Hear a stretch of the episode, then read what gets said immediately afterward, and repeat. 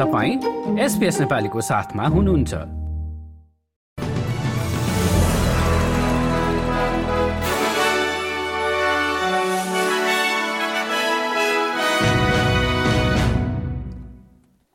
नमस्कार। आज सोमबार छ नोभेम्बर दुई हजार तेइस। अब पालो भएको छ एसबीएस नेपालीमा। आजका प्रमुख अस्ट्रेलियन समाचारहरू सुन्ने। प्रसङ्ग सुरु गरौं नेपालबाट। नेपालमा उद्धार कार्यहरू सम्पन्न भएपछि भूकम्पमा परेर बच्न सफल भएकाहरूलाई खाना र बस्ने ठाउँ उपलब्ध गराउने कार्य जारी छ।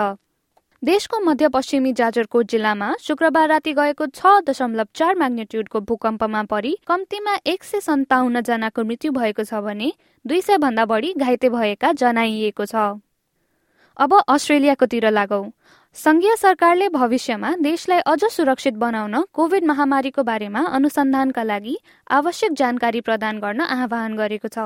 सरकारले कमनवेल्थ र राज्य तथा प्रादेशिक सरकारहरूको जिम्मेवारी सहित स्वास्थ्य तथा गैर स्वास्थ्य प्रतिक्रियाहरूको विवरणको माग गरेको छ। वेस्टप्याकले बढ्दो ब्याज दरको बीचमा आफ्नो घर र व्यापार ऋण सुविधाबाट भएको लाभपछि वार्षिक खुद नाफामा छब्बिस प्रतिशतले वृद्धिसँग सात दशमलव दुई अर्ब डलर आर्जन गरेको छ।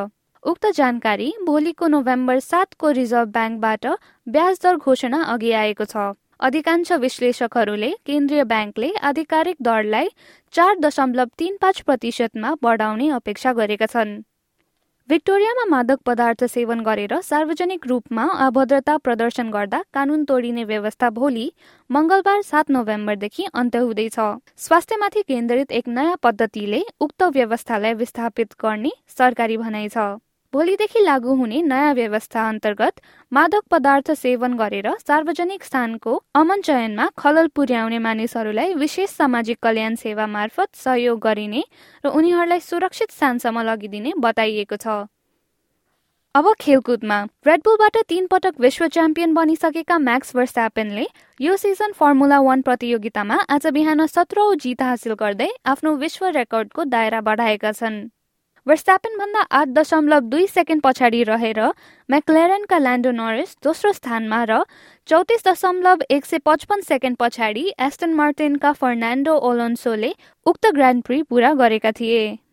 हस्त एसपीएस नेपालीबाट आजका प्रमुख समाचार यति नै। सुरक्षित रहनुहोस्। नमस्ते।